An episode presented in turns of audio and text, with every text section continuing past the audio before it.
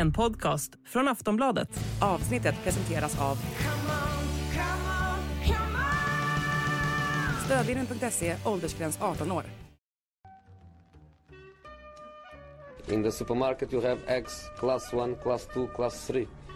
And some are more expensive than others, and some give you better omelets. That's the wrong information. Wrong, wrong, wrong information. I didn't say that. That's the wrong information. Do you think I'm an idiot? Wrong, wrong, wrong information. Now look at me when I talk to you. Your job is to tell the truth. That's the wrong information. Wrong, wrong information.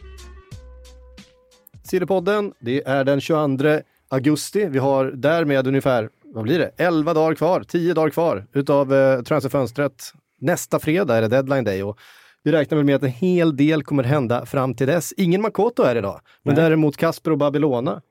Vet ni att det är första gången på två år som Makoto missar en Sillypodd? Ja, det är tragiskt. Jag känner press. Eh, Babylona, vi måste prata om Pavar. Måste vi göra det nu direkt? Ja, vi måste göra det nu på en gång. Pavar till Inter. Eh, klubbarna är överens, en läkarundersökning är eh, inbokad. Men eh, vi ropar inte hej förrän vi har kommit över ån, eller? Vi ropar inte hej förrän han faktiskt har på sig matchtröja och är med i en Spelat trupp två, och tre spelat två, tre matcher. Då kan jag känna att då kan vi diskutera den här värvningen eh, med tanke på hur det gick med Samardzic som gick ut, nöjd från läkarundersökningen, pratade så mycket om att han vill till Inter och han är fortfarande kvar i Udinese. Så att, eh, det har varit en kaotisk sommar. Men om, och så knackar vi på trä allt möjligt, om det här går igenom så är det en väldigt bra värvning. Det är en spelare som är i sin peak, han tillhör en av toppklubbarna i Europa. Om man plockar in honom, då har man gjort ett väldigt bra jobb. Och nu ersätter man äntligen Skriniar då. Ja, det har ju eh, behövts verkligen och då får han ju spela mittback dessutom, Pavar. Det är Exakt, som han, han vill. spelar eh, mittback i en trebackslinje så han inte behöver vara där längst ut på kanten för där kommer du ha Quadrado och Dumfries. Eh, jag tror att det är ett spelsystem som kommer passa honom väldigt bra. Han är spelskicklig också. Mm. Så det blir ytterligare ett hot för uh, Inter då framåt också. Mm. Ja, han har ju själv varit sugen på Manchester United under hela den här sommaren. Nu blir det ju inte så. Men jag menar, Inter tror jag han är jävligt peppad på också. Det De känns pratade jag, ju även i januari. Jag tror när det också var Inter snack. passar honom bättre. Alltså, Jag tror att det kommer vara en Ja. bättre fit för honom rent speltypsmässigt. Uh, Simon Inzagis system lär ju... Alltså, eh, det lär vara positivt för hans sätt att spela för Pavard. För han Mm. kommer ju få visa då på sin spelskicklighet. Han kommer få gå fram precis som Bastoni gör. Eh, och han kommer inte behöva jobba defensivt på liksom, samma sätt som han har gjort innan. Eh, så jag tror att det här kommer funka väldigt bra. Det är bara att titta på hur en spelare som Darmian, trots när åldern, han är 35 år, kunnat spela hur bra som helst. Systemet funkar för de här typen av spelare som är intelligenta. Mm. Jag menar i, i United, var, eh, det, det är inte säkert att han hade fått en, fått en lucka i startelvan. Liksom. Nej, och framförallt så hade det ju varit högerbacksvikarie Mm, i, för, i första hand. Kanske till och med för, alltså, det är nästan som att han har kommit in i en liknande situation som den han hade haft i Bayern Mm. eh, Exakt. känner jag. Här kommer han ha en given plats bredvid Acerbi eller De då, som spelar eh, i, i, på mitten och så spelar han då till höger om dem. Så då kan du ha, i teorin då, kan du ha Bastoni, Acerbi, De Vrij då, eh, och Pavard som spelar. Så det är väldigt bra mittbacksuppsättning där då. Mm. Men det var ju som sagt snack redan då januari när Skriniar eventuellt skulle gå i januari då, eller vilket kanske inte hoppades på för att faktiskt få in lite cash. Och då pratade man med Pavard redan då, så det har ju funnits kontakter under hela den här tiden, även om han har suttit och likat inlägg till höger och vänster, både för United och Inter då, för att visa jag vi bort. Ja, det, ja, bort vill han. Han är ju trött på den där. Det verkar som att eh, Tuchel också eh, för ganska länge sedan egentligen har släppt eh, Ja, fast han har ändå varit, eh, det som har kommit ut i italiensk press har ju varit att i alla fall Tuchel har lagt ett veto på det här. Eh, Att han inte vill sälja, men det är väl för att man kanske inte har fått in någon än. Precis som med målvakten då, med Sommer som hamnade Nej, i Inter och precis. så har man fortfarande inte plockat in någon. Nej. Nej. Vi är ganska bra eh, förstärkt ändå och länsa Bayern München. Ja, det det, är ju bättre säga. än det man brukar länsa, så att vi, vi tar det. Det är en lite högre hylla nu. Ja. Eh, Sommer är väl ingen värvning som man blir till sig över, men det är ju en stabil målvakt. Men det är ju en sak att sälja Onana när du har haft tio jävla år med Handanovic Ja. som har stått död i ett mål och bara tittat in bollar. Ja. Så får Onana en säsong och du får uppleva lite hype och så skeppas han direkt. Eh, så ja, nej men det, Sommer blir väl okej. Det duger. Det duger. Eh, just det, det kommer kanske dyka upp lite mer eh, Inter längre fram i programmet här. Vi eh, tar oss vidare till Union Berlin, det är en klubb vi inte alltid pratar om i den här podden, men värmar man Bonucci, då måste man ju faktiskt säga någonting om det. Det Ja. känns bara fel. Vi har, vi, vi, vi har nämnt det tidigare i podden också, men det, det känns fel. Det känns med ungefär- Bonucci i Union Berlin. Jag Ja. vet inte. Det känns ungefär lika fel som det gjorde med Chiellini i början i Los Angeles. Det, det är lite samma vibbar man får. Även om Union Berlin ska spela Champions League och grejer så det är ju en betydligt bättre klubb. Men ja, det är... Eh, Men det är känns en det verkligen mer fel än det gjorde att se Bonucci som lagkapten i Milan under en säsong? Ja, men den här känns väl ändå mer rimlig. Det är en spelare som är extremt på nedgång. Som knappt har fått spela i Juventus sista åren. Och eh, klubben har varit väldigt tydliga med att det är dags för dig att gå. Mm. Då går han ändå till en klubb som spelar Champions League, som har värvat in Robin Gosens också, som ändå har vissa ambitioner. Så att han vill ju ändå sätta sig själv på prov här. Så att jag kan tycka att det, just den grejen är roligare än att han drar till Saudi Ja, eller till visst, MLS. självklart. Det är, bara, det, är bara, det är bara någonting med att det är Det är väl själva att det är Bonucci. Han Ja. skaver ju lite grann Mm. som spelare, gör han inte det? Ja, alltså det, det, är väldigt svårt att så här, stoppa in honom någon annanstans i liksom ett, liksom ett italienskt, ganska typiskt italienskt ja. fotbollstänk. Det var, det var ju den där alltså, backlinjen med Chiellini, Bonucci och Barzagli som var liksom... Man, Mm. man, man hade ju svårt att se det, att det skulle landa någon annanstans. Och sen den ena i LA och den andra i Union Berlin. Liksom, så att, ja, det, det känns, känns märkligt. Ja, det är klart. Sen blir vi ju alla äldre så att eh, någonting ska vi göra Mm. på ålderns höst. Ändå kul att han går till ett land där han inte kan språket och hela den biten. Så det kan ju Mm. bli spännande presskonferenser och så också, tänker jag. Ja, verkligen. Och så det, det är någonting också med just hur mycket italienare har vi haft i Bundesliga egentligen genom åren? Det har inte varit så jävla många. Nej. Nej. Det är väl han eh, Grifo som har varit bra i Men Luca Freiburg. Toni var ju också Luca där. Toni Ja, var där. Sen hade ju absolut. Trapattoni way back when när han coachade. Mm. Det finns några jätteberömda presskonferenser Mm, med just det. honom också. Mm. Men det är inte många som Nej. tar den vägen. Nej. Eh, nej, men det, det blir spännande. Det, det är också så här, det, det är skönt när saker eh, liksom på något sätt eh, skaver lite grann. Det, det, det får inte liksom vara alldeles för strömlinjeformat i, i hur man ser på fotboll. Eh, Nej, Men jag gillar den här. Jag Ja. tycker den blir eh, kul. Sen får, sen får man ju säga att det är, ju, det är en piggare övergång än, än om Bonucci skulle landa i Saudi till exempel. ja, verkligen. Så att Definitivt. på så är sätt ska han ju ändå Ja, hyllas för att han har fort, fortsatt ambitioner. Liksom, Ja, men han vill spela mer Champions League. Mm. Och sen får vi se om han får speltid. Men Det tror jag nog. Eh, West Ham, Kasper. Ja, Eh, ni har fortfarande rätt mycket pengar som bara ligger där i plånboken och på något sätt bränner ett hål. vi har ju det. Eh, och det finns hål i truppen att stoppa de här. Stark seger mot, eh, mot Chelsea Mm. i helgen, gav Absolut. säkert en hel del eh, besked, kanske runt statusen på en del spelare. Michael Antonios mål eh, Mm. Har vi inte sett jättemycket av de senaste säsongerna om man ska vara riktigt ärlig. Men det såg ut lite som vintage Antonio. Där. Ja, men lite så. Han, eh, både han och eh, Thomas Zuzek som hade en fullständigt katastrofal förra säsong Mm. eh, har ju varit bättre i år. Men sen är det Zuzek klart var att... ju riktigt bra mot Chelsea. Ja, Mm, Det var exakt. riktigt kul att se honom faktiskt. Ja, och sen ska man, men sen ska man väl säga liksom att Antonio är ju ingen de ska bygga vidare på utan det, det Han gör sådär ibland. Ja, alltså, när, när, när, när, när det stämmer för honom i, i, i en aktion, då är Mm. han ju omöjlig att stoppa. Det, det vet vi. Alltså, Mm. han, han, han, han gjorde ju bort de där två. Eh, alltså, eh, vad heter han? Eh, de, de, des, dis, jag kan, jag, jag. Disasi. Disasi, så heter han. Eh, han hade ingen, ingen rolig eh, minut just där. Ehm, och sen Ward Prowse, alltså den där, jag är så fascinerad över den där hörnan han slår. Alltså, alltså det- tillslaget han har på den här bollen. Att, att bollen kan dippa ner på den kvadratmetern utan att det finns liksom någon möjlighet att målvakten ska ko- komma ut och plocka den eller någon annan. Det Ja, det, det överskruven han får på sina, på sina hörnor. Jag kan säga det kommer, det kommer bli en del poäng på hans hörnor ja. eh, och frisparkar den här säsongen. Det Ja, är jag, bara menar, så. jag menar eh, när, när Craig Dawson spelade i laget och, och öste in hörnor eh, så, så ja, då, var det, då öste de in hörnor helt enkelt och nu har de ju liksom de har Agerd, de har Zuzek, de har farliga huvudspelare så att, så att eh, det ska inte förvåna en om Zuzek kommer upp på tvåsiffrigt efter den här säsongen när han, när han har fått stöta in några hörnor liksom. För det är en, det är en, en högerfot som inte är från den här planeten på James Ward-Prowse, så är det. Ja, jag brukar säga att det är det. Det, det är det bästa tillslaget på liggande boll i hela världen. Ja, Eh, och jag menar statistiken säger ju, han har ju slagit in fler frisparkar än någon annan i, i eh, någon toppliga i världen mm. eh, de senaste säsongerna. Och så många assist och, och sån här, eh, bara det här hotet hela tiden. Alltså motståndarna vågar ju inte dra ner en spelare strax utanför straffområdet för att man vet att när, om Ward Prowse står Mm. där eh, vid bollen så är, det, så är det målchans på ett annat sätt än nästan om man gör det med vilket annat lag som helst. Ja. Ehm, Ja, exakt. Och sen, eh, ja, som du sa, det ska ju in fler spelare. Det pratas ju om eh, Kudos från, från Ajax, ganska rejält. Eh, West Ham ska ha fått ett bud nekat på 35 miljoner. Men ja, kravet från Ajax väl vara 40 miljoner och då ser man väl den övergången liksom gå i hamn. West Ham ska väl vara sugna på att höja budet också med 5 miljoner eller 3 miljoner vad, vad det var. Ja. Så att eh, den ja, med West Ham kommer man ju såklart aldrig räkna in någonting men, men, eh, men den ser, det ser bra ut för tillfället. Och Mavropanos var ju på matchen mot Chelsea. kom ju lite rapporter om att han, hade, att han inte klarade läkarundersökningen här igår men dementerades ju ganska snabbt av både, både källor från, från Tyskland och från West Ham håll. då. Så att, så att han kommer väl också presenteras under dagen här antar jag. Mm. Eh, kommer Fri, Frida bli glad, hon, hon Mm.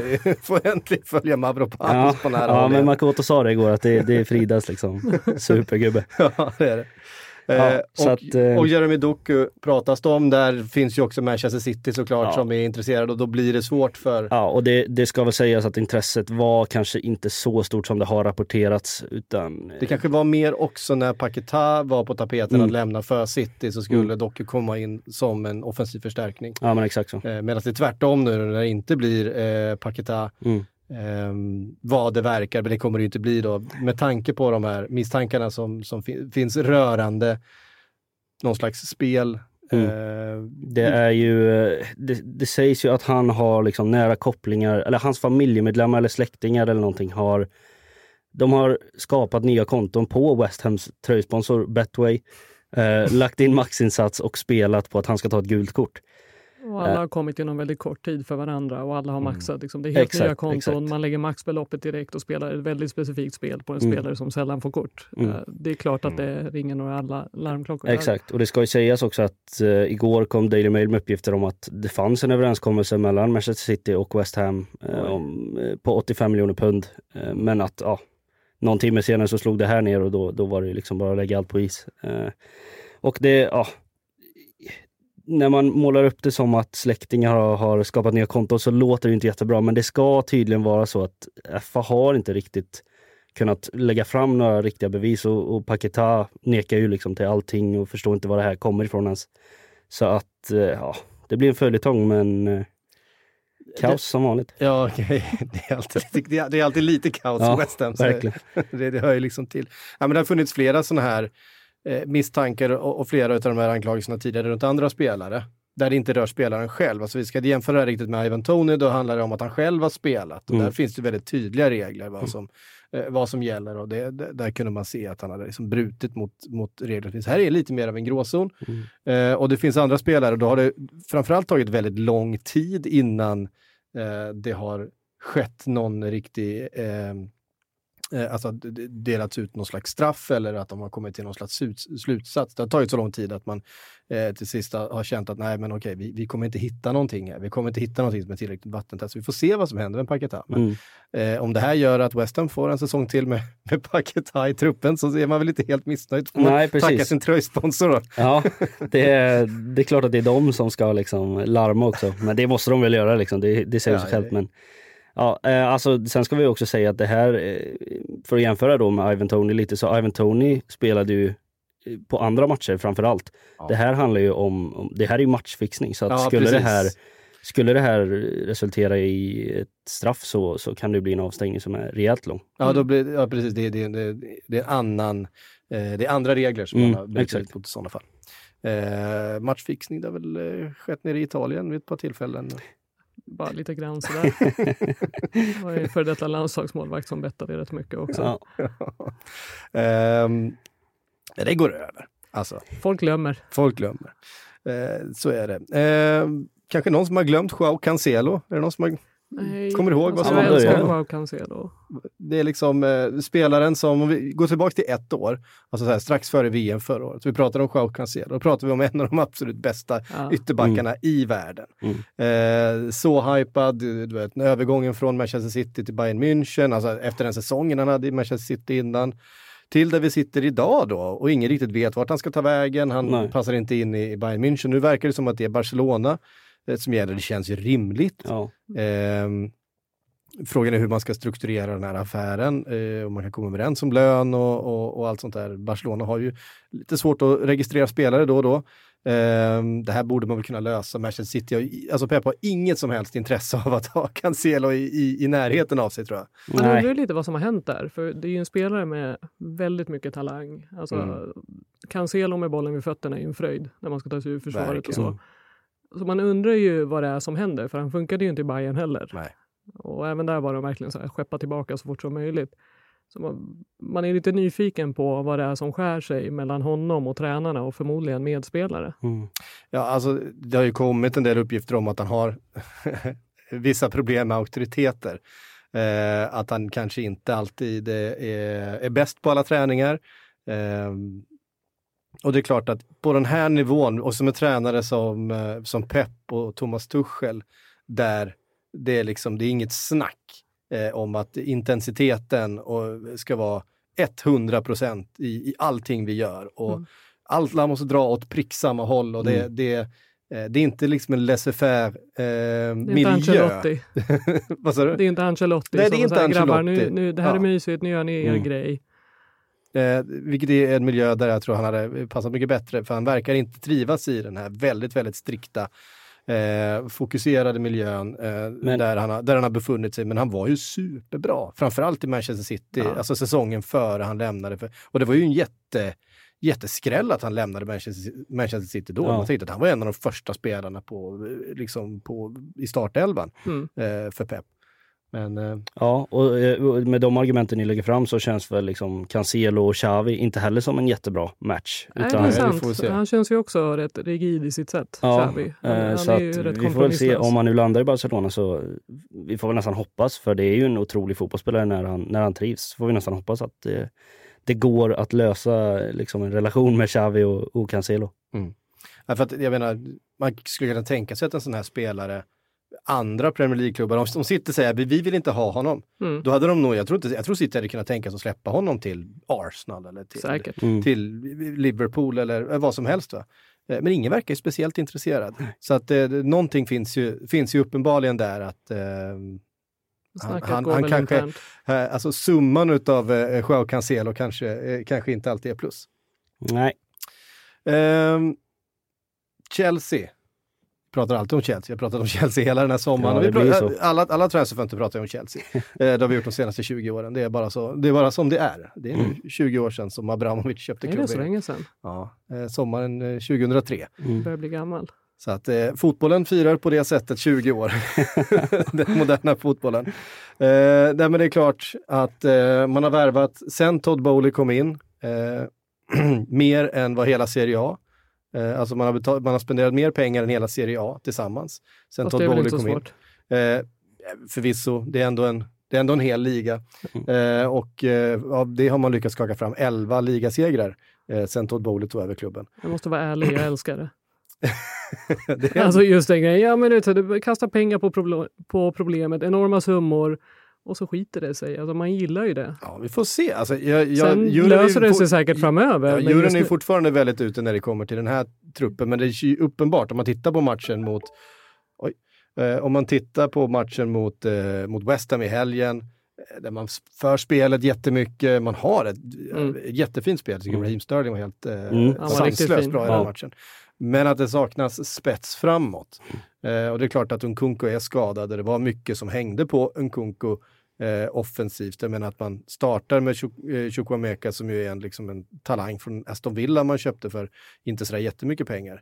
Mm. Eh, det säger någonting om att det fortfarande finns hål i den här truppen trots att man har eh, spenderat så otroligt mycket pengar. ja, Det finns ju en anfallare där. Eh, det finns ju en Romelu. Vi ska prata lite grann om honom också om en liten stund. men Eh, verkar inte ingå i Pochettinos planer Nej. om man säger så. det är inte direkt. Han, Men, går, han ingår inte i någons planer, Nej. det, är, Nej, det är märkligt. Det, det är mörkt för Lukaku. På, Men, på, eh, på tal om att eh, bränna broar längs, med, längs med resans gång om man säger så. Ja. Nej men alltså, det är som ni säger, det, det finns ju hål i den här truppen som är enorma men, men jag vet inte om en anfallare till är vägen att gå. Alltså Nicholas Jackson, det jag har sett av honom det är att han behöver lite, lite, lite finslipning men Ja. sen så kommer han vara Och lite riktigt, riktigt bra. understöd alltså. Ja. Det, det, Han såg det, väldigt det ensam ut. Men Ja, menar, när han fick ju bollen i djupled så man blir ju lite lycklig i själen av att se en sån spelare. Ja, för Man ska komma ju... ihåg att det finns en, en, en Mudryk som man har betalat väldigt mycket Ja. pengar för som kom i januari. Eh, som ska in i det här laget Mm. och ska vara en startspelare. Nu fick han ett inhopp och det såg inte jättespetsigt ut om man ska vara ärlig eh, nu mot West Ham. Men han behöver nog få sina minuter och, och det här laget måste spela ihop sig. Mm.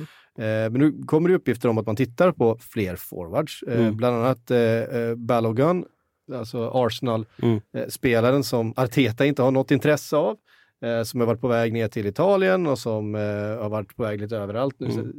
ryktas det om att Chelsea har blandat sig i leken där också.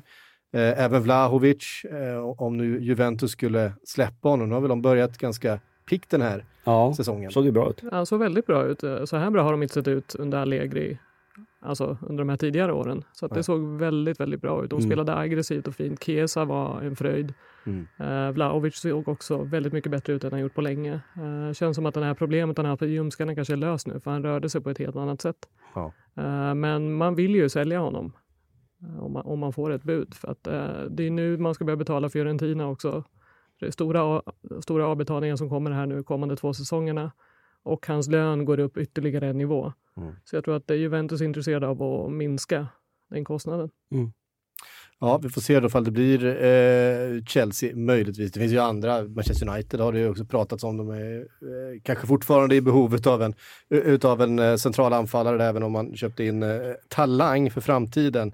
Eh, så kanske man behöver ha någonting här och nu eh, Ja. att, att komplettera Marcus Rashford med. Som, Men också ja. för att det blir en sån otrolig press på en 19-åring att Ja. leverera direkt Exakt. i ett United som är i skriande behov av någon som bara trycker in bollar. Ja, Verkligen. precis. Och skulle inte han leverera så, så får de ju spela Rashford högst upp. Och det har vi sett Ja. nu den här säsongen att de har inte yttrar som håller för, för det riktigt. Utan Rashford behöver vara ute på kanten och, och Ja. de behöver ha en, en centertank längst upp som, som gör jobbet. Så är det märkligt att Jadon Sancho inte får det att Ja. släppa i, i United. Alltså det är Ja. så fin som han var i Dortmund. Och Känns ju som man hade behövt gå på lån ett år nu. Mm. det kändes ju som, det kändes ju som en, ja men så här, när Bellingham gick till Real Madrid nu, liksom, men det här är ett säkert kort, vilket det har varit. Ja. Han har ju Mm. gått dit och bara, och bara Det tagit ser hur enkelt över. ut som helst. Ja, men han har kommit dit och bara tagit, han är ju deras nya liksom Cristiano nu. Han är ju verkligen, jag menar, han är själva definitionen utav en Galactico verkligen, så som han spelar. Jag menar, hans prislapp känns ju plötsligt som... Den känns väldigt rimlig. känns väldigt rimlig. Om man tittar på vad andra spelare har gått för det här fönstret. Ja. Ehm, Ja, det- Likadant kändes vi med, med Jadon Sancho när han lämnade Dortmund och gick till Manchester United. Han är en färdig spelare, precis på väg att ta det där klivet upp och bara... Man hade visat i Champions League också, det var inte bara i Bundesliga. Man tänkte, och i landslaget hade han varit med. Så man tänkte, så här, men nu, det här, bra värvning. Ja, men det, det känns ju liksom att han behöver en, ett, ett halvår så som, så som Jesse Lingard hade och liksom komma ut Mm. någon annanstans, komma utanför Uniteds eh, omklädningsrum och Ja. få, få känna kärlek till fotbollen igen. För det har väl kommit lite rapporter om att han, han mår inte jättebra. Det förstår man ju liksom att han med den prislappen och den pressen som han hade och sen så får han inte att lossna. Alltså, vem som helst hade ju, hade ju känt att ah, det, här, det här är inget bra. Eh, så att han behöver komma ut, få känna på det lite igen och, och, och få, ja, få, få känna kärlek till fotbollen, få ösa in lite mål igen. Ja, verkligen. Ehm, tillbaks, till, tillbaks till Chelsea i alla fall. De jagar en anfallare, men de har värvat en målvakt. Vi har varit inne på att Roberto Sanchez kanske inte är en, en målvakt du vinner någonting med. Nej. Eh, jag tycker det är en, det var inte ens Brightons första val när de värvade honom och de var rätt så glada över att, att släppa honom Mm. till, till Chelsea när det kom ett bud. Eh, jag är inte alls övertygad om eh, Roberto Sanchez. Det är liksom en habil målvakt, men det är inte en toppmålvakt på Nej. något sätt. Han Nej. har misstag. Han, är, eh, han har också sett halvsvajig ut eh, sen han kom. Nu har man värvat Petrovic från New England Revolution. Eh, och man har betalt eh, då 17 miljoner dollar pratar vi då när vi handlar, när vi handlar från MLS. Vad vet vi om Petrovic egentligen? Han har fått ett sjuårskontrakt, vilket ju är minimum i Chelsea. Ja, det är standard nu. Mm. Det, är väl, det är väl det man vet om honom. ja, Att men han det, har det är det enda. Ett. Jag visste inte ens att det fanns ett lag i New England. jag vet att de har ett NFL-lag. Ja.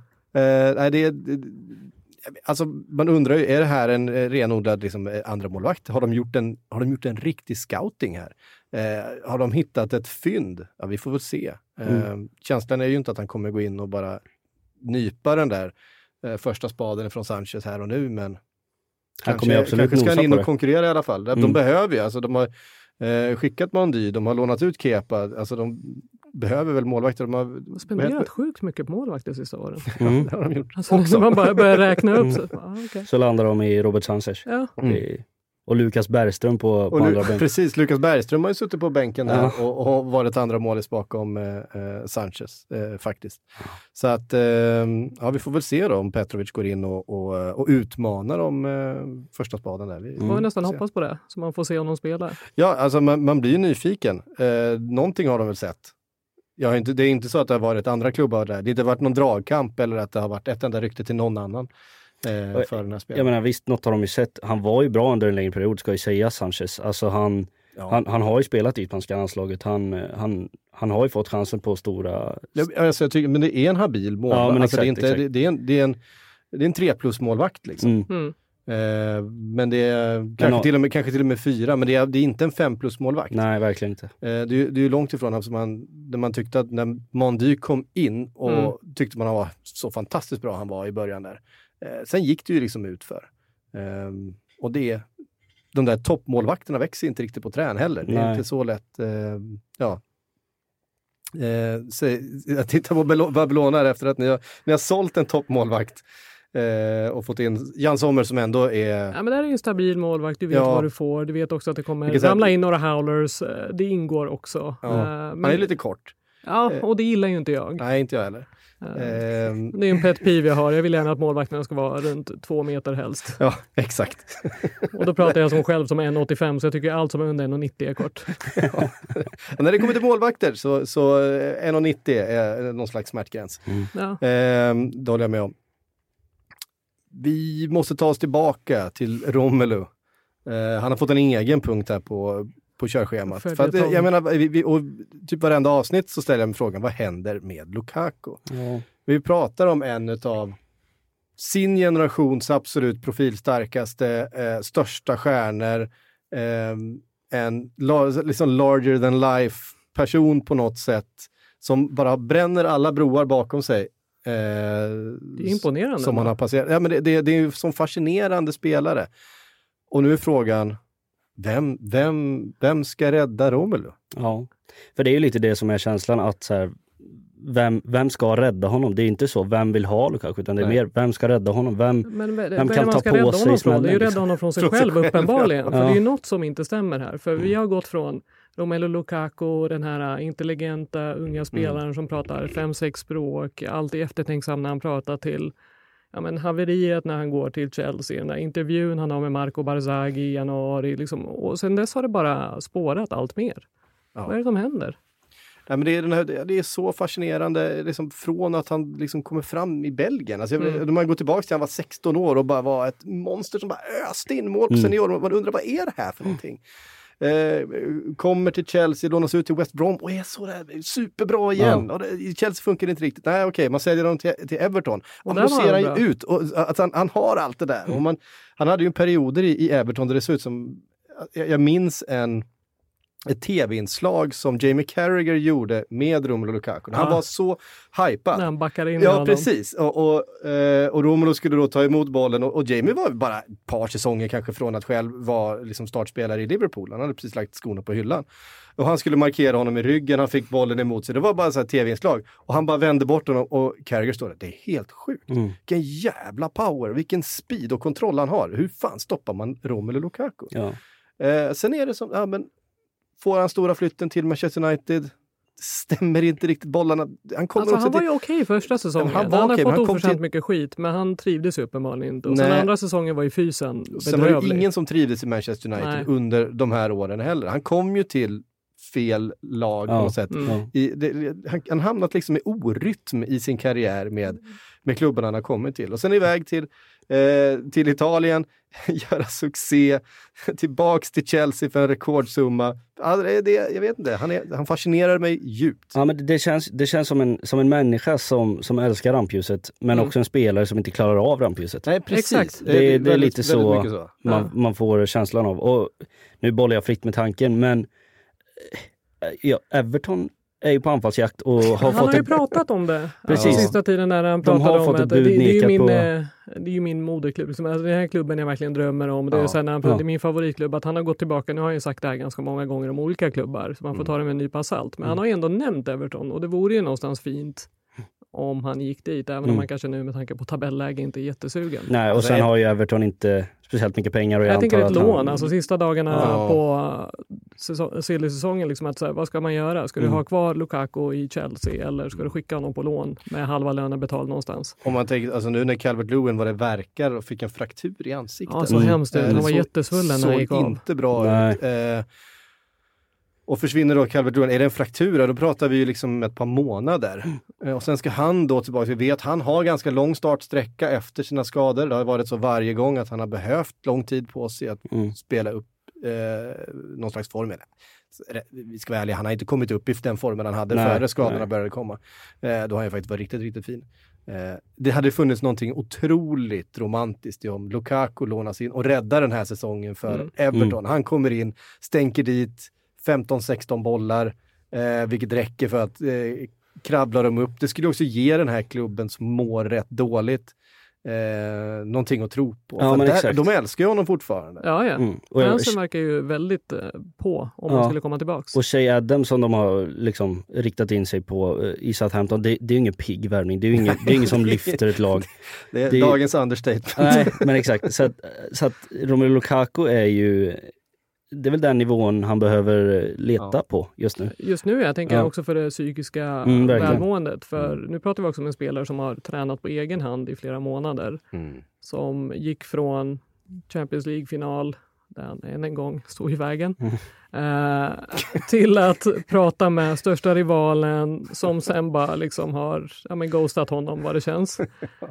Och så bara... Ja, men han, ghostade, han ghostade ju tillbaks, han svarade ju inte i telefon. Nej, så jag menar att Juventus sen, när, eh, att de har sen bara sagt, nej är- men vi är, vi är på plats, vi har fem anfallare, vi behöver ingen just nu. De Nej. måste ju såklart få ut Vlahovic innan. Ja. Men bara hela den grejen. Sen börjar det ju nu lite grann pratas om att Lukaku hör av sig till Inters president och försöker Ja. medla. Eh, men där, menar, hallå, man har bränt alla pengar på Pavard. Det finns inte ett öre kvar i klubben. Uh, Och tala om brända broar där också, så, Mm, som han har Verkligen. Eh, liksom betett sig. Eh, om man ska vara riktigt ärlig. Ja, nej, ja, men men är, f- frå, från att... eh, jag- från att vara väldigt älskad också. De, Från man att Inter är min drömklubb och allt det här liksom. Ja, men också från att fansen då var lite tveksamma. Han kommer tillbaka och säger ja, men det är fine, liksom. han är vår igen. Det är, Mm. det är vår gubbe. Eh, hyllar honom, backar honom hela vägen. Man nästan förlåter honom då en gång eh, från läktarhåll och sen så händer det här och det kommer ut att han har pratat med Juventus dagen innan Champions League-finalen. Eh, det, Ja, det, alltså det, det, Jag hoppas det, är svårt, hans det är svårt att ta in vad han pysslar med och vad, hur går liksom Ja, diskussionen i är det hans som, eh, team? Är det det Raiola fortfarande som... Eh, Nej, han har ju Rock Nation. Som, Ah, okej. Men de sades ju också då vara involverade i liksom att de medlade ju mellan Inter och Chelsea att de skulle lösa den här dealen för de ville ha tillbaka honom där. Mm. För de gick ju också ut med hårda statements när det var den här rasistskandalen, Juventus Mm. fans mot Lukaku och att man körde en stor kampanj kring det och att man då ville liksom att nej, men nu löser vi det här, du går tillbaka till Inter, vi fixar det och då slutar han svara i telefon och allt vad det är. Så man undrar ju hur snacket går i team Mm. Lukaku. Bara, nu ska vi hitta ett bra ställe för dig de kommande, säg två åren eller vad det nu är. Ja, man, man hade ju velat vara en, en fluga på väggen där när han, sitter, när han sitter i det här rummet och så, och så har Lukaku alla sina... så, många Alla gånger sina- i, så många gånger i den karriären man hade velat ha en fluga på Ja. väggen. Ja, men jag, vill se, jag vill se den här, han har förmodligen, han känns ju som en kille som har en moodboard också. Så här, äh, grejer, uppsatta Verkligen. bilder där han ser framför sig och så. Jag hade Alltså, velat se den. Ja, så sitter han Lukakus där och, moodboard hade man velat den är, se. just nu är det rätt mörkt tänker jag, för nu händer det, det är inget bra mood. Men jag menar, Milan behöver ju en anfallare.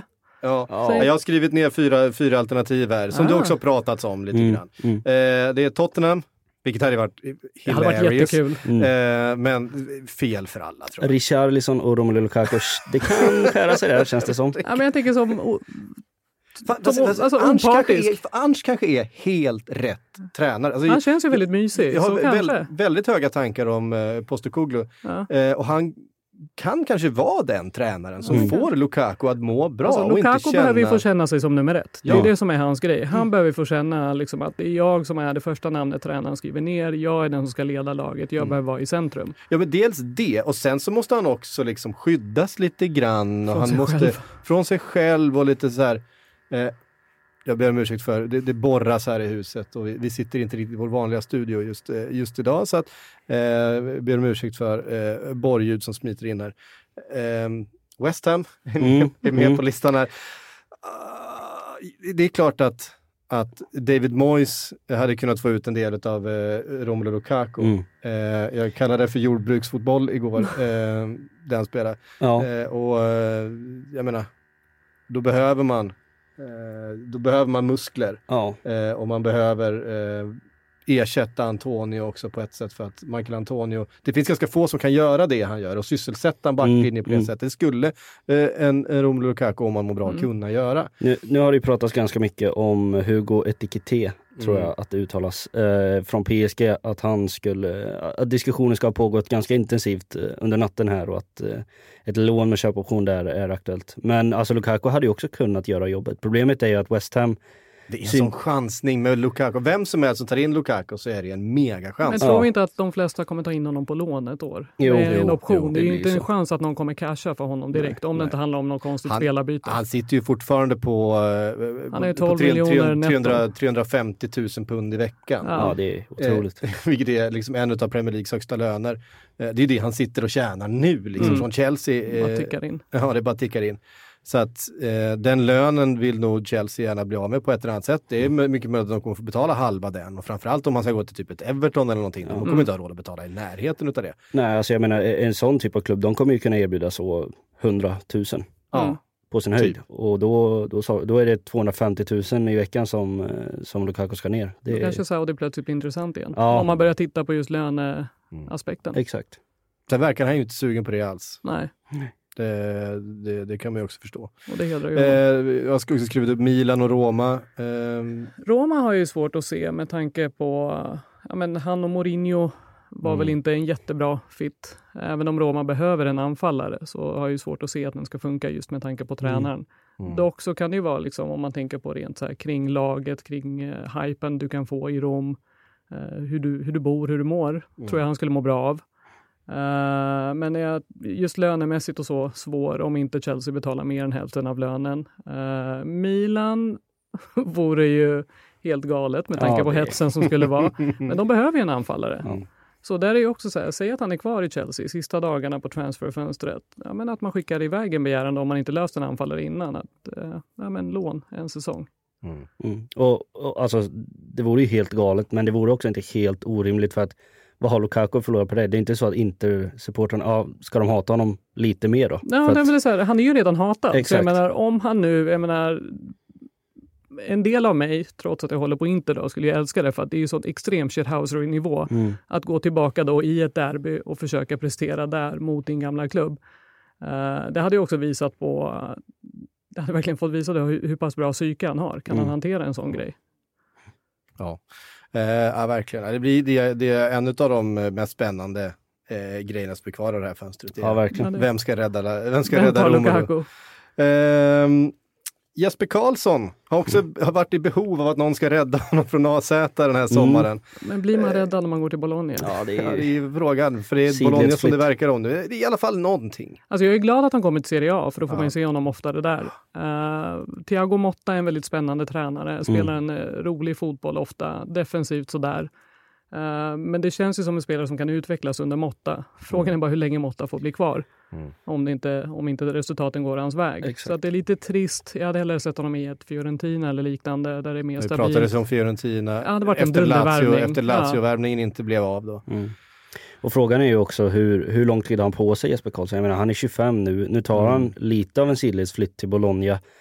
Säg att han skulle bli kvar där i två, tre år. Vem ska satsa på en 28-åring från Bologna stenhårt liksom? Ja, Ja, men det, någon av toppklubbarna i Serie A förmodligen. Ja, det Gör det han det bra de. där så plockar man ju honom då. ja men jag menar... Men de, de, de har inget emot att värva en 28-åring. nej, nej, det är väl det är väl de liksom. Under 30, hallå. Nej, men jag menar Premier League-klubbarna, eh, om det skulle gå riktigt bra, de kommer ju inte hugga på, på honom känns det som. Alltså så här, det är, Nej, där är ju också så här, där, där är det så väldigt tydligt eh, runt många av de här att de värvar ju knappt spelare som är över 25. Mm. nej. Eh, men de är Exakt. beredda att betala enormt mycket pengar och det är enormt höga löner, men det är ju, det är ju spelare 21, 22, 23 år gamla som är eh, det heta bland storklubbarna Mm. i, i, eh, i Premier League. För de, de bygger på det sättet. Liksom.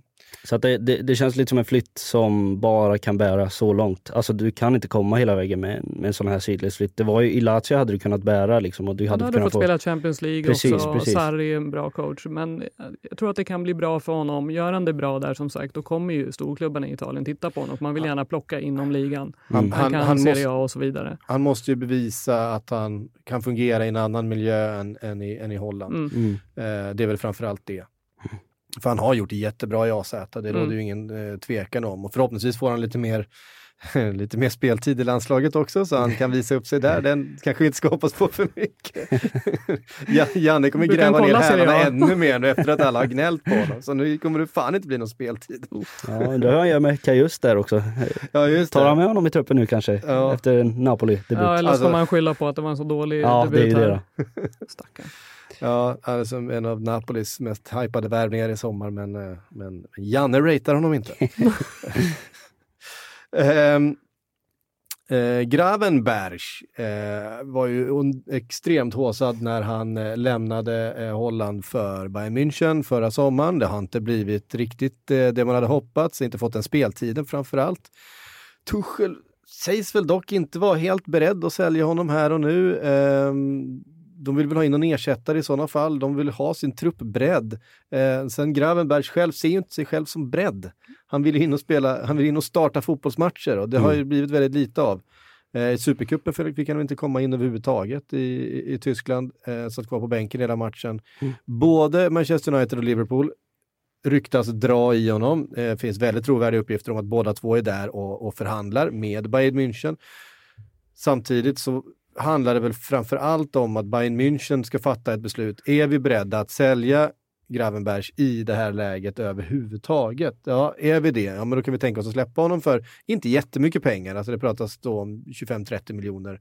Ehm, både Liverpool och Manchester United är i behov av bredd centralt på mittfältet.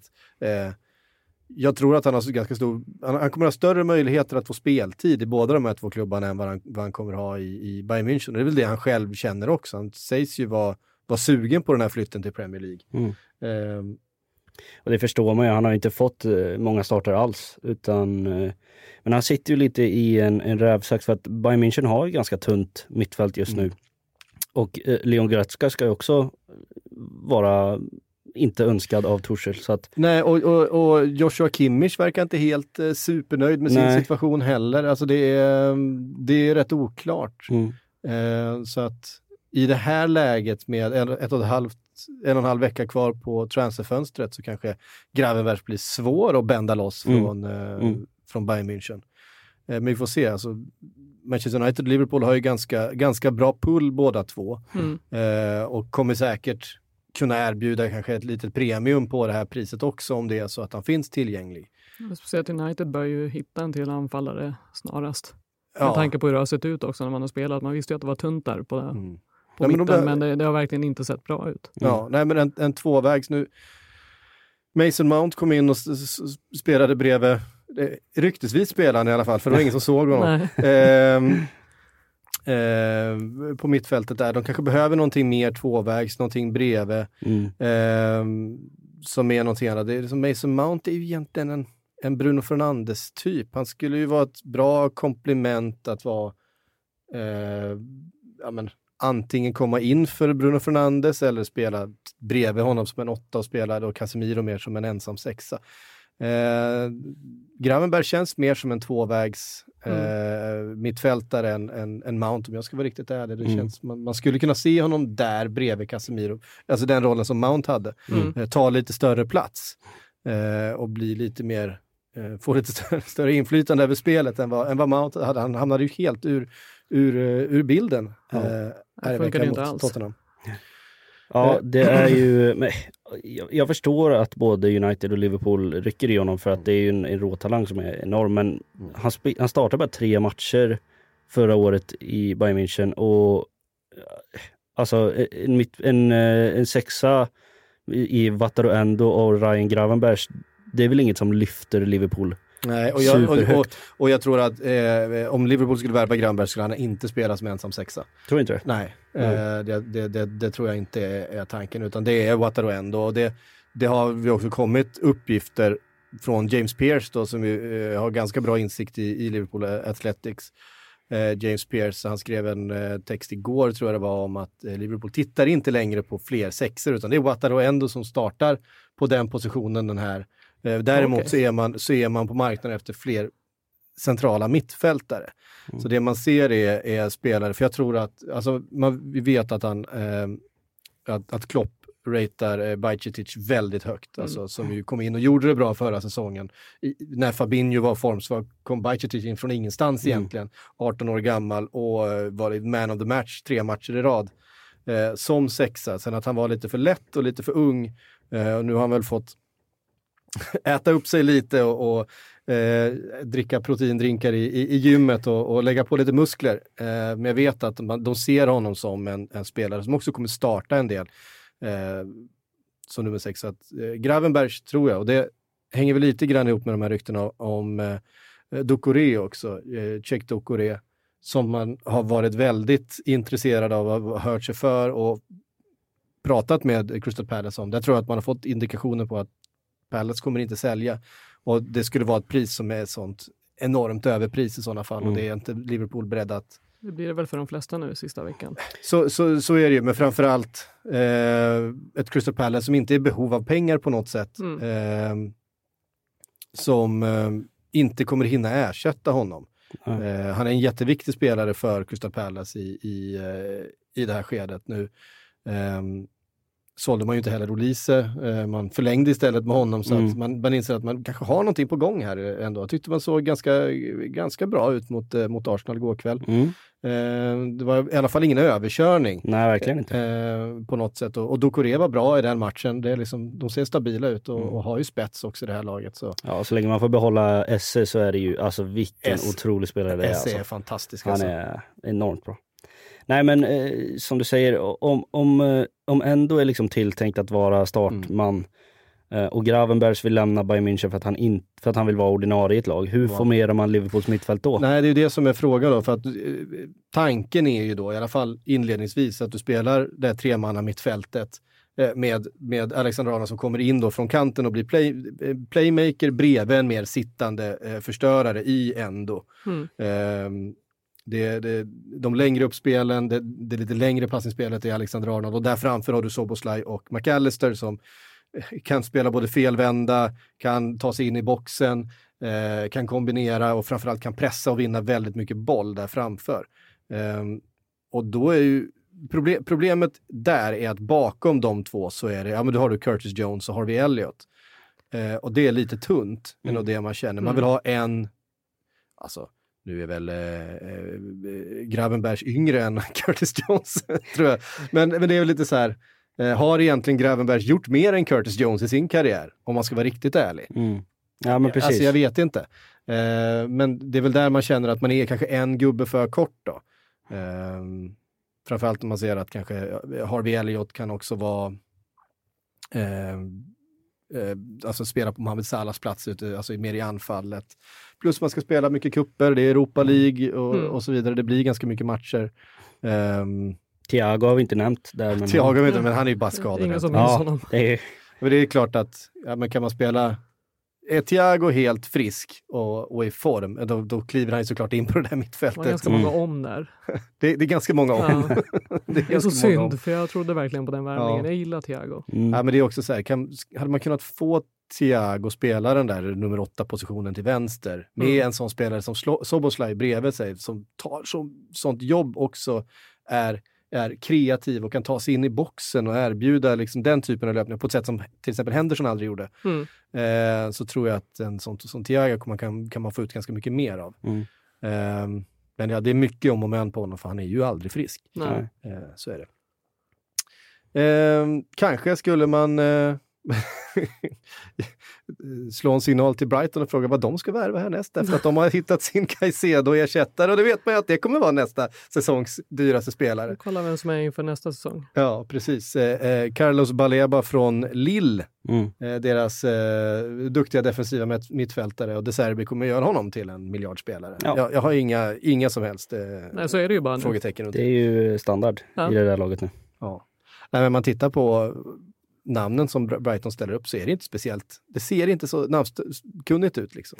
Och sen så ser man dem spela och så är man så här, jaha, fan det här är ju ett Nej, riktigt det bra gör lag." ett riktigt bra Ja. jobb. Det är kul att se.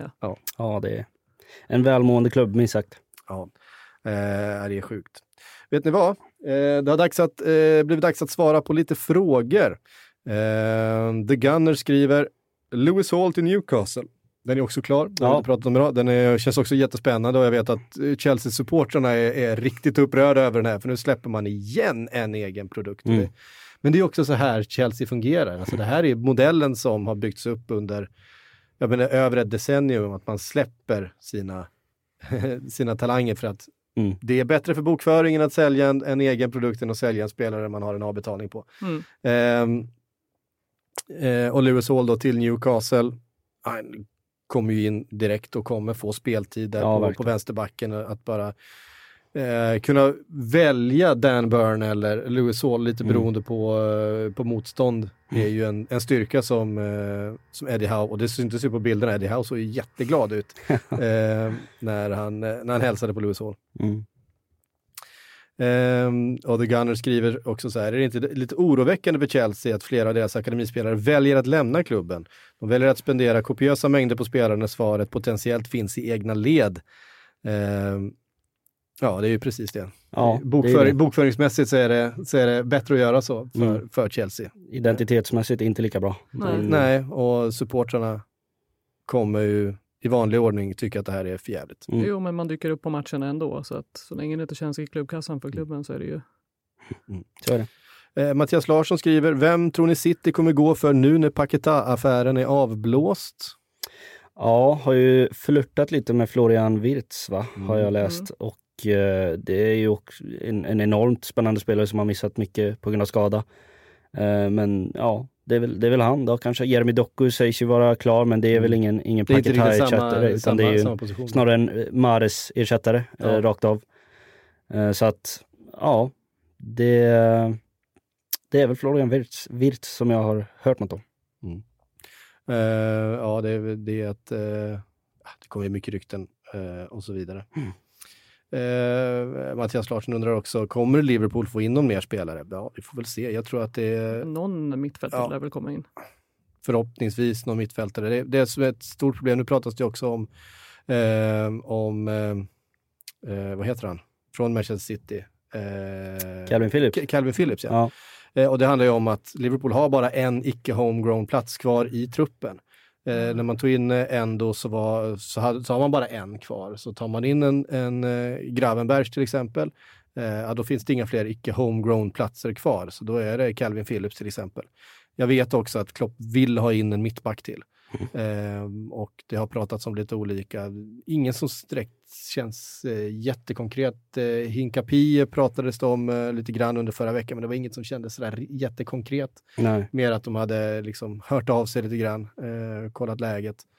Eh, jag tror att Klopp i det här skedet helst alltså prioriterar att få in en mittback till för att det Mm. har sett sådär ut. Ja, Ja, Van Dijk har inte varit samma spelare Nej, heller alltså- skadan. Försvarsmässigt tycker jag han har sett bra ut, eh, men han slarvar med bollen. Alltså det har varit, eh, han är inte påslagen. Eh, men när han, när, när, när han väl har kommit in i matchen och det, det, Mm. han vinner sina dueller och så vidare, det, det, är inte liksom, det har inte varit några problem. Men däremot med uppspelen som han ska slå eh, knähöjd på, på spelare liksom i den farligaste positionen, så där kan han inte hålla på. nej. Ehm, så att, eh, nej men en, en vänsterfotad eh, mittback, och det, är- det är ju det alla har sett också i det här systemet. Om Alexander Arnold ska flytta in från högerkanten in på mittfältet, då blir ju vänsterbacken en mittback, för då, måste de, ju- då, då, då, då flyttar de över eh, till en trebackslinje och då plötsligt eh, Andy Robertson, som absolut inte är en mittback, han är en av de mest offensiva ytterbackarna eh, som finns. Alltså, han är ju mer i offensivt straff, straffområde än i Mm. defensivt. Och det, är ju det, det är ju det han ska göra, det är det han är bra på. Så att man tappar ju den, eh, den förmågan på, vänster, eh, på vänsterbacken. Och då är det klart att kanske man vill ha in en vänsterfotad, mer mittback som kan Mm. spela vänsterback och komma in och vara mer defensivt solid för att han blev ju eh, uppäten av Reece James i, i första Mm. matchen och, och eh, Reeve Sterling var där och hade lekstuga också. Så att, Jag- jag det, tror jag, det det, tror jag att Klopp helst vill se faktiskt. Ja, jag tycker nästan det är märkligt att man inte kikar mer på, på ett substitut till Trent Alexander-Arnold. Eh, Speciellt efter den här säsongsinledningen. Nu är det ju kanske systemet som inte riktigt har fungerat men men ja, om man vill spela det här systemet så behöver man ju kanske någonting annat där. Eh, Eller om man vill gå tillbaka till det gamla så behöver man ändå ha någonting eh, som, som man kan byta ut Trent Alexander-Arnold. Och jag menar, Jeremy Frimpong i Bayer Leverkusen är också en väldigt, väldigt offensiv lagd högerback. Så att Mm. det finns ju spelare att hämta på den här positionen. Jag, jag, jag tycker att det är märkligt att man inte tittar mer på ett, på ett alternativ där. Ja, jag tror att, det, jag, jag tror att man har bestämt sig för att, att ge den här, det här boxmittfältet, Mm. eh, alltså offensivt box, boxmittfält med trebackslinje, eh, en rejäl chans. Och där till höger så, finns, så har du eh, eh, egentligen alla tre, men alltså Joe Gomez och, och Matip eh, Mm. eh, bakom då som, som alternativ. Sen, Joel Matip kan ju inte springa längre. Nej. Eh, Så att, och det har ju pratats också om att men om, om Matip spelar så måste hela laget liksom anpassa sig efter det. därför att han kan inte springa längre. Eh, han är liksom en, en, en, en, positionsmässigt jätteskicklig mittback och han kan ta sig upp i banan, han vinner dueller och så vidare. Men, men det är ju bara att peta bollen förbi genom att springa så är du förbi, för han kan inte springa. Eh, så är det. Det är lite oklart än så länge. Eh, Johan Ekmark undrar, ska United sälja Varann? Om det stämmer att vi har fått ett bud på honom. Jag själv tycker det vore döden att göra så som det ser ut just nu. Ja, men det har ju också det har, det har ju kommit in något bud från Saudi på Varann. Mm. Eh, och, eh, Men det vore ju verkligen döden. ja, och, Ja, och, verkligen. och Manchester United har sagt att det kan ni glömma. Ni kan få Maguire. Ja, ten, exakt, ni kan ta Maguire. Ehm, nej, de kommer inte sälja varann. Uh, jag, jag, jag ser Nej, det, det som kan de inte helt, göra. helt Nej, omöjligt. det är ju, det är ju eh, hade varit självmord. Ja, men då kan man verkligen säga hej då till den här säsongen. Det är bara att ge upp. Mm. Ja, hörde ni. Ehm, det var allt vi hann den här eh, tisdagen. Tack Kasper och Bab- Babylona för att ni kom hit. Eh, Sillypodden är tillbaka på torsdag igen. Eh, sen så har vi Premier League-podd och så ett par Sillypoddar till. Och så är det Deadline Day fredag nästa vecka, det får ni inte glömma. Men härifrån, från en väldigt liten och surrig och mycket, mycket varm Ja, väldigt studio. varm, väldigt varm. Sjukt varmt där inne nu. Så säger vi tack för oss. Du har lyssnat på en podcast från Aftonbladet.